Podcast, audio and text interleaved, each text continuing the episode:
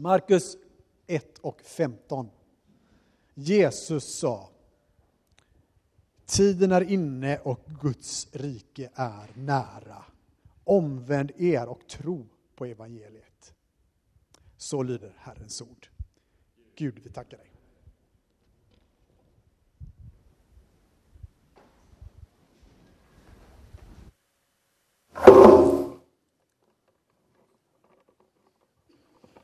Jag har nog aldrig haft en sån eh, lång predikovers. Är jag på? Jag är på. Eller så kort. Härligt att predika över en vers. Eh, det blir gott. Men innan dess så vill jag be en eh, bön. Herre, jag tackar dig för att vi får samlas här i ditt hus den här söndagen, Herre. Tackar dig för att vi fått börja med att tillbe dig och upphöja dig, Herre. Jag tackar dig för glädjen det är att få ära dig och prisa ditt namn. Oavsett om vi kommer med glädje, sorg, melankoli eller någonting mitt emellan, Herre, så får vi lyfta våra hjärtan till dig, Herre. Får vi lyfta vår röst till dig och upphöja dig, därför att du är alltid på tronen, Herre. Du är alltid helig, upphöjd, värd vår tillbedjan, Herre. Jag tackar dig att i lovsången får vi rikta vår blick mot dig. Vi får rikta våra hjärtan mot dig, Herre. Jag tackar att när vi tillber dig, Herre, så är du mitt ibland oss, Herre Jesus. Jag tackar dig för det, Herre. Jag ber nu att du ska hålla mig i ditt grepp, Herre. Jag ber om den helige Andes närvaro i mitt liv när jag ska förkunna ditt ord, men också den helige Andes närvaro i hela, hos var och en som lyssnar, så att vi får ta emot det du har att ge från ditt ord, Herre. I Jesu namn. Amen.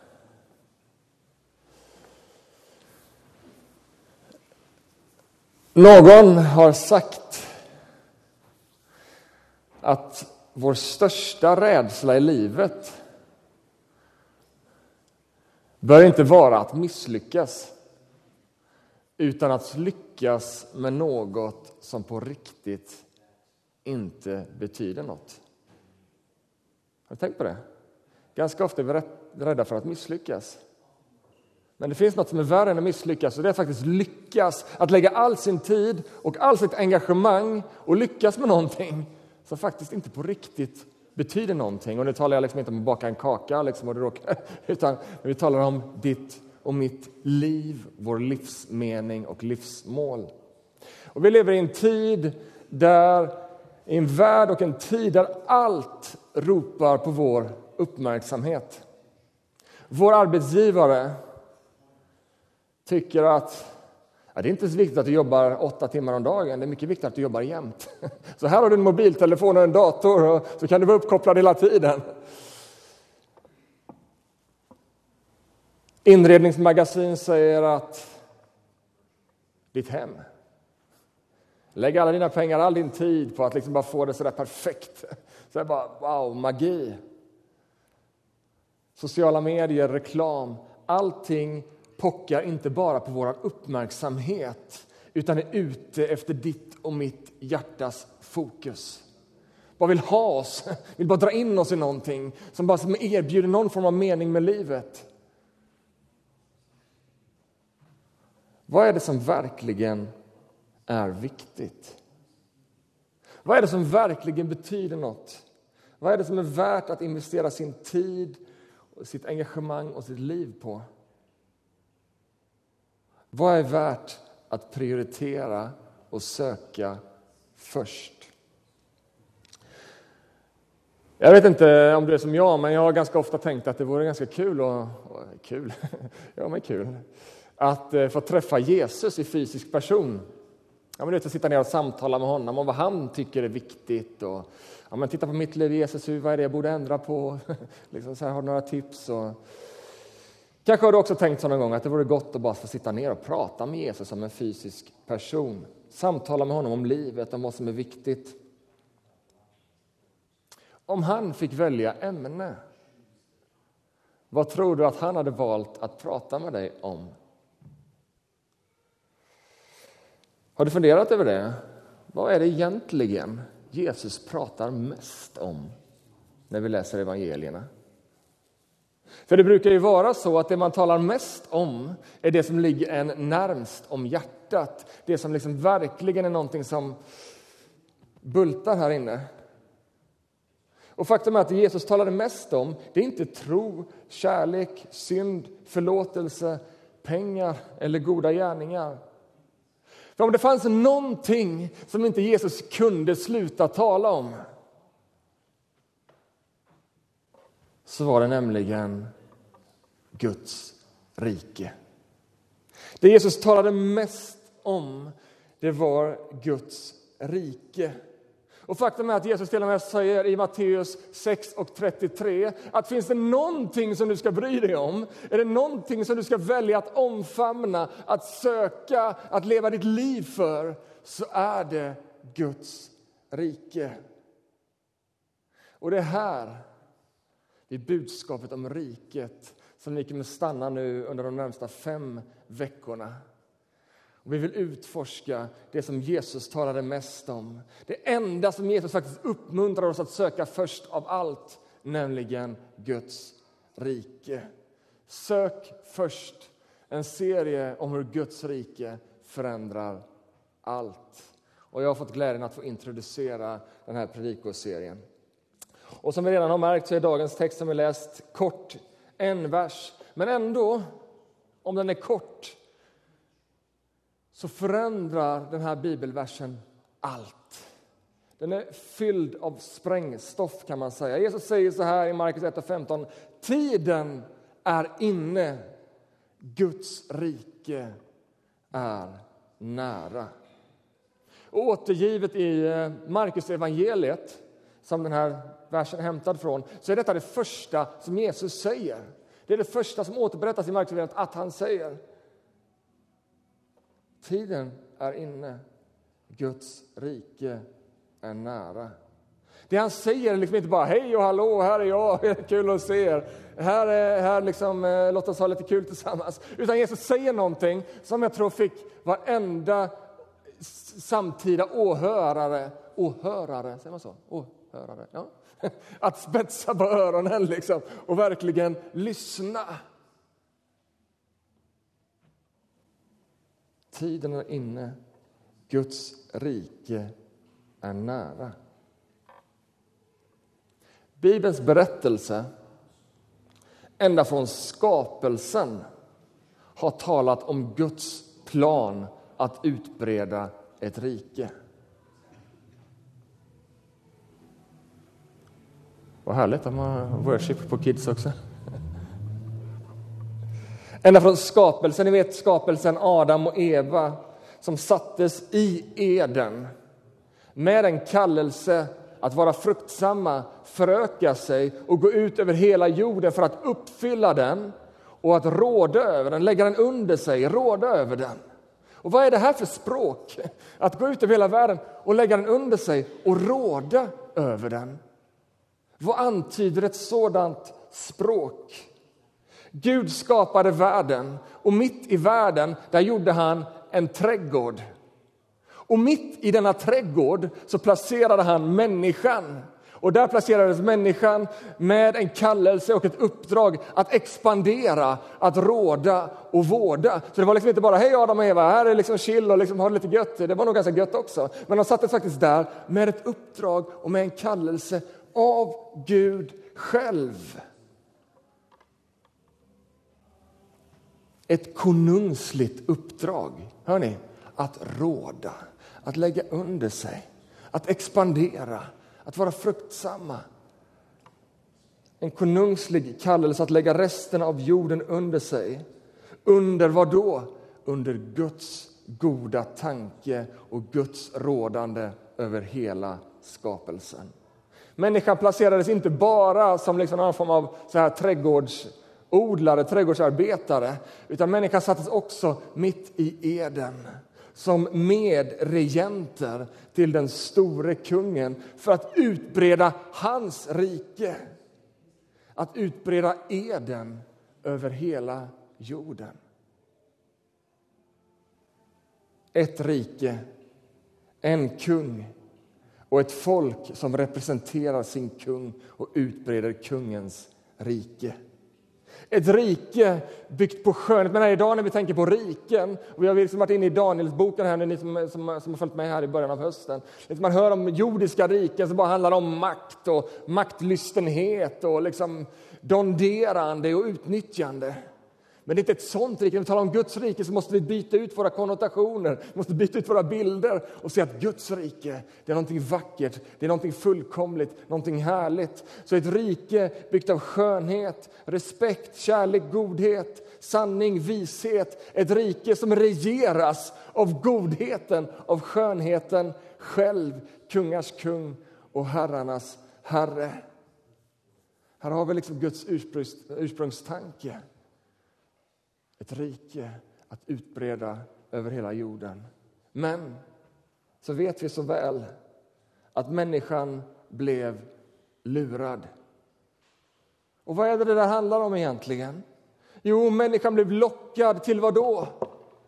Till att bygga sitt eget rike, till att bli sin egen kung. Ser ni upproret? Gud har en tanke som är ljuvlig, som är skön. Han skapar en värld och han sätter mitt en trädgård som är ljuvlig och han säger, hallå, ni har möjlighet att ta det här ljuvliga.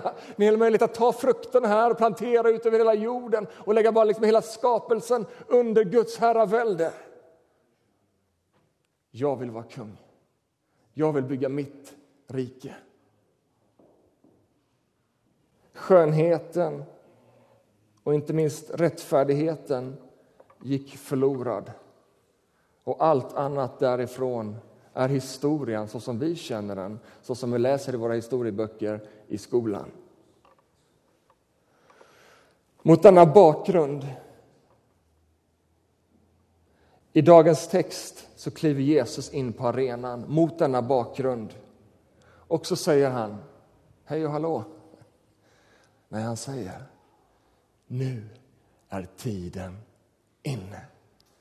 Mitt rike är nära. Nu är tiden inne. Riket som gått förlorat, människan som blivit förvisad ut ur Eden, ut ur det rike som de var satta att utbreda. Så kommer någon in på arenan och säger nu är tiden inne. Mitt rike är nära. Jesu ord var av signifikant betydelse. Judarna på Jesu tid de kände sina skrifter. De visste att Gud inte gett upp tanken om sitt rike utan de väntade på en kung som skulle komma åter och regera. Hela den bibliska berättelsen liksom andas det här temat att Gud är kung och att han återigen ska bryta in i tiden, in i världen och regera. Vi har precis nämnt Danielsboken, ni vet hela Danielsboken som handlar om detta, hoppet om en kommande kung som kommer med sitt eviga rike. Ett rike som aldrig ska ta slut, ett rike som aldrig ska gå under. Hela skriften, vi hinner inte gå igenom den nu, men vi kan se hela skriften, hur det här temat finns med. Saltaren, det är bara fullt av det här. Psalm 145 och 13 säger, ditt rike är ett rike för alla evigheter riket finns med. Tanken om riket, om Guds rike, det är liksom inte en sån här ny idé som kom med Jesus. Utan budskapet om riket skulle jag vilja säga är någonting som, som, är, som väver samman hela den bibliska berättelsen genom Gamla testamentet och Nya testamentet som en röd tråd. Därför förändrar det allting när Jesus kommer och säger att tiden är inne.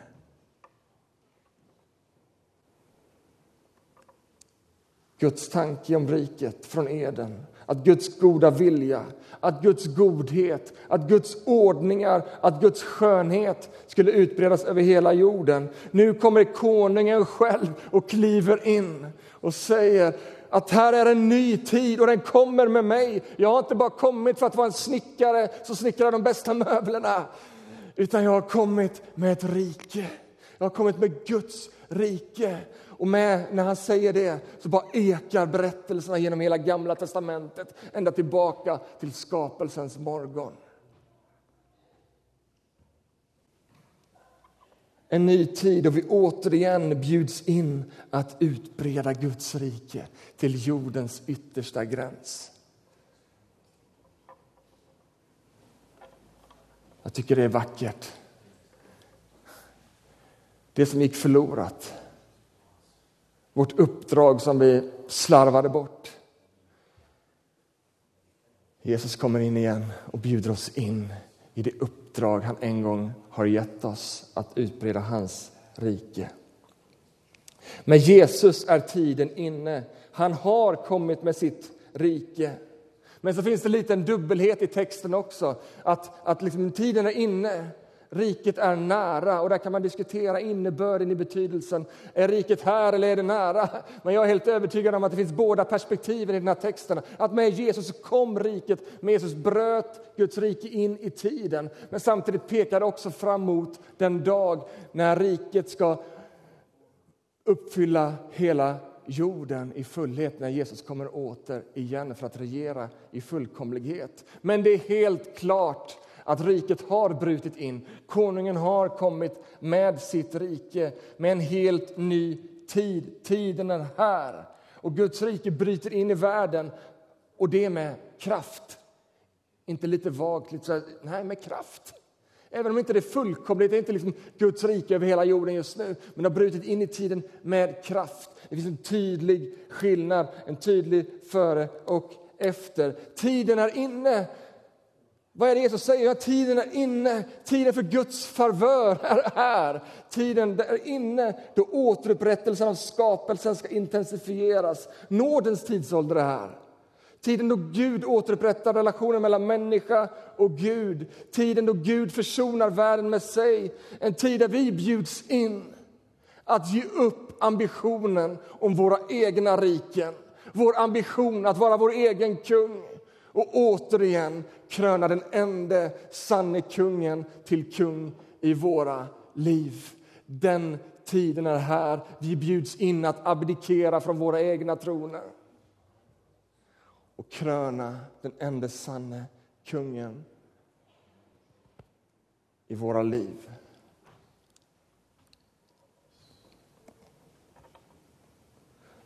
På ett sätt så blir vi återinsatta i den roll som Adam och Eva hade att utbreda Guds rike, att utbreda hans regerande över skapelsen.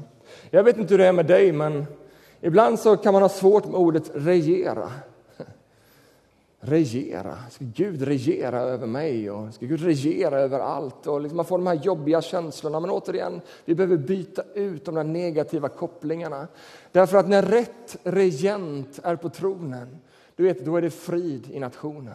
Då är det gott att leva. Men när det finns ett ledarskap som är maktlystet, som är ute efter egen ära, som är ute efter egna liksom, vinningar, då är det inte härligt att leva. Men när rättfärdighet sitter på tronen, när godhet sitter på tronen, när skönhet sitter på tronen, då är det ljuvligt att leva i landet. Tronen i Guds rike, den är inte vakant. Det är inte upp för diskussion vem som ska sitta på tronen i Guds rike.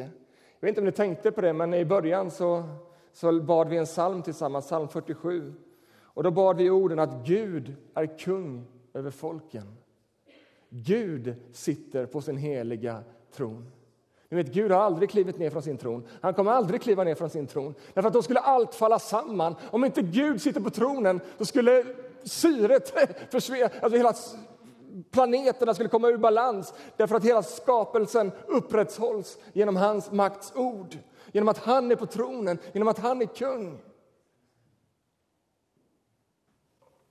Att bli kristen, det är att stiga ner från sin egen tron och erkänna att den enda regenten som kan skapa ordning i kaoset, frid i oron och ljus i mörkret, det är Gud själv. Det är han som råder i kärlek.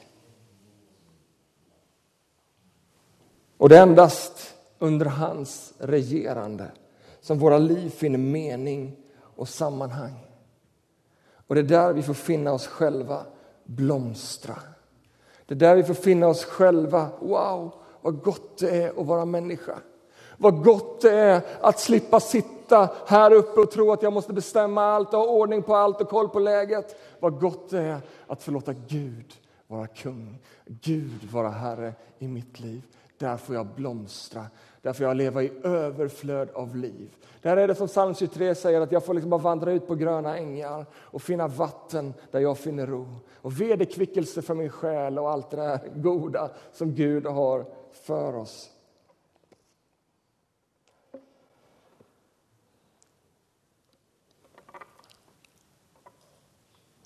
Vad är Guds rike?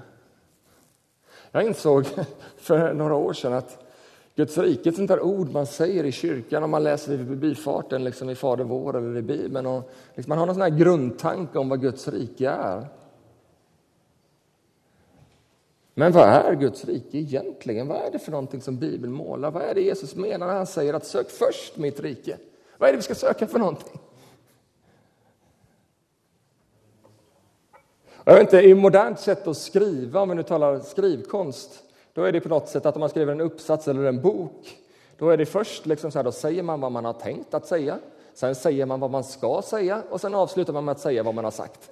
Det är liksom så vi jobbar idag när vi, när vi liksom skriver någonting. Eh, men Bibelns teman på något sätt kommer inte alltid till oss på det förpackade sättet. Och Det är också så med temat om Guds rike. Som vi sagt så finns det med från början, redan i skapelsen morgon så kan vi så här i efterhand skönja mönstret. Men det är samtidigt så att förståelsen av vad riket innebär och vad Guds rike är för någonting, det är någonting som under hundratals år växer fram genom Guds tilltal och Guds handlande med sitt folk. Sen kommer Jesus och då klarnar bilden än mer.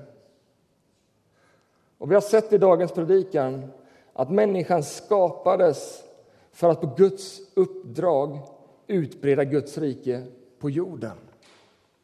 Redan här så ges egentligen en ganska tydlig bild av vad Guds rike handlar om. En kung som regerar genom ett folk på jorden.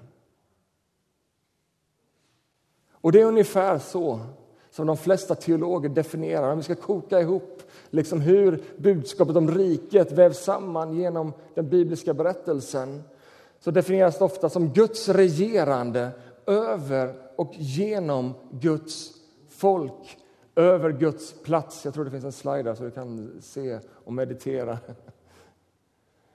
Finns det en uh, Guds regerande över och genom Guds folk? Finns det sånt där? Kolla där! Guds regerande över och genom Guds folk, över Guds plats. Och låt mig bara ta några minuter i avslutningen av min predikan och bara packa upp den här definitionen av Guds rike. Guds regerande. På något sätt direkt så sätter det fingret på vad det verkligen handlar om. Det handlar om Gud själv. Gud är i centrum i sitt rike och det handlar om hur han har kommit för att ställa till rätta rätta det som synden ställt till med. Och Guds rike är ett rike som är öppet för den som inser att mänskligt regerande har kommit till sitt slut. Det fungerar inte. Vi har ju sett det gång på gång genom historien, hur bara riken kommer och går och någon annan kommer och försöker styra upp det hela. Och sen är det Moderaterna och sen är det kung Nero. Och allt vad det, alltså det är bara den ena efter den andra som försöker liksom styra saker till rätta. Och det är, det är ju gott. Men vi behöver inse att om allting ska bli som Gud har tänkt, då behöver vi faktiskt inse att den enda som ytterst sett kan regera, det är Gud själv.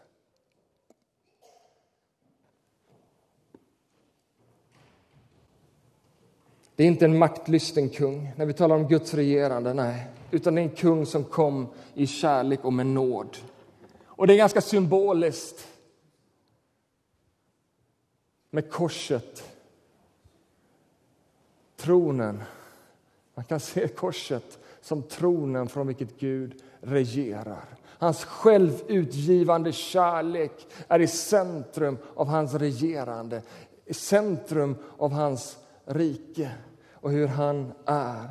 Så Guds rike det handlar om en värld där människor bygger sina liv på Guds kärlek, på Guds ordningar, på Guds godhet, på Guds vishet. Människor som låter Gud regera i deras hjärtan så att hela deras liv påverkas. Guds regerande över och genom Guds folk. Guds folk. Gud är kung över folken. Gud råder över sitt folk. Men han råder också genom sitt folk. Och den här tanken som vi ser redan i Eden, hur Gud vill råda genom sitt folk, hur Gud vill verka genom oss, hur vi bjuds in att representera honom, att representera vår kung i världen. Den här liksom grundkallelsen, och vi ser hur den återkommer igen i missionsbefallningen. Ni vet Jesus sista ord i princip eller Jesus sista ord när, innan, han liksom, innan himmelsfärden, så kommer den här liksom tillbaka igen. Gå därför ut och gör alla folk till lärjungar.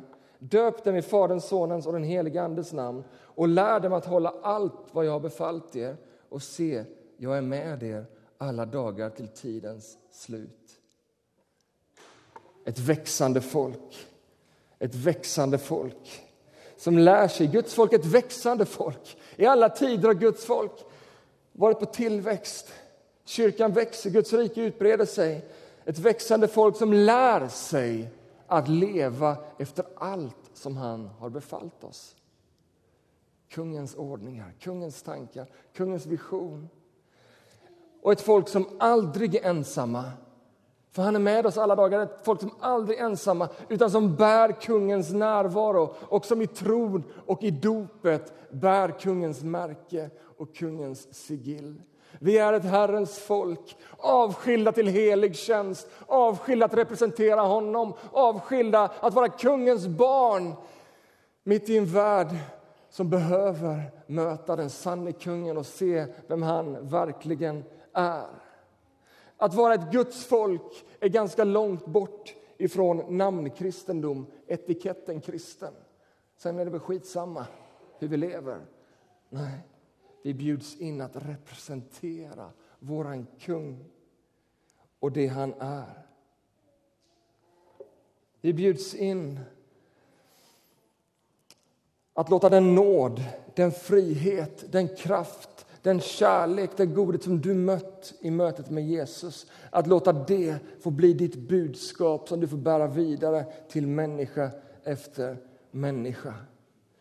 Guds regerande över och genom Guds folk, över Guds plats.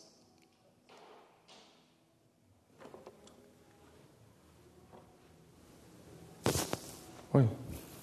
Guds uppdrag till människan var att låta hela jorden få bli ett underbart rike. En trädgård som blomstrar av liv. Hela jorden var tänkt att bli en plats där skapelsen under Guds regerande skulle blomstra av liv. Guds tanke har inte förändrats. Men Jesus bryter den här visionen in igen. Tiden är inne och Guds rike är nära. Tiden är inne för Guds återupprättelse av skapelsen. Och det börjar med att Jesus bär världens synd. Det börjar med att han förändrar allting. Och vi bjuds in att utifrån försoningen representera hans rike i världen. Och Jeremy Treat, som har varit en stor inspiration för hela den här serien som vi nu har under fem veckor, han har sagt så här The Bible is a rescue story, not about rescuing sinners from a broken creation, but about Him rescuing them for a new creation. God's reign begins in the human heart, but will one day extend to the ends of the earth. Frälsningsberättelsen handlar inte bara om hur Gud räddar oss från vår synd, utan hur Gud räddar oss till en ny skapelse. Där han får regera i våra hjärtan och hur det här regerandet en dag ska spridas ut över hela världen. Lyssna nu. Vi är inte ruttna syndare som med nöd och näppe kommer snubbla in i himmelriket. Ibland får vi bilden av att vi är så fördärvade av... Ja, vi är fördärvade av synden, men vet du vad? I Jesus så har allt förändrats. Du har fått ett nytt liv, du har blivit en ny skapelse i Jesus Kristus. Visst, det finns fortfarande lite av din gamla människa i dig, men det som definierar dig är ju inte din gamla människa. Det är ju inte din gamla frisyr efter du har klippt dig som definierar hur du ser ut. Det är ju din nya frisyr som definierar hur du ser ut nu. På samma sätt är det i mötet med Jesus. Du har blivit en ny skapelse. Vad är det som definierar dig? Ja, men det är ju inte ditt gamla jag, det är ju ditt nya jag. Det är ju den du har blivit när du blivit iklädd Kristus i fullkomlighet. Så jag vill inte att du ska se framför dig hur du liksom bara nöd och näppe snubblar in i liksom himmelriket och liksom, åh, nej. Jag ser en församling som går segrande in i himmelriket. En församling som har gett sina liv för Kristus, som har gett sina liv för att representera honom i den här världen. Inte som bara hållit på att slåss med sin synd varenda dag. Nej, utan ett folk som representerar den gode guden i världen. Ett folk som segrar i Jesus Kristus. Ett folk som... Är ni med mig? Nu kör vi på alltså. oj, oj. Jag tror det är så viktigt hur vi ser på oss själva. Därför att om du lever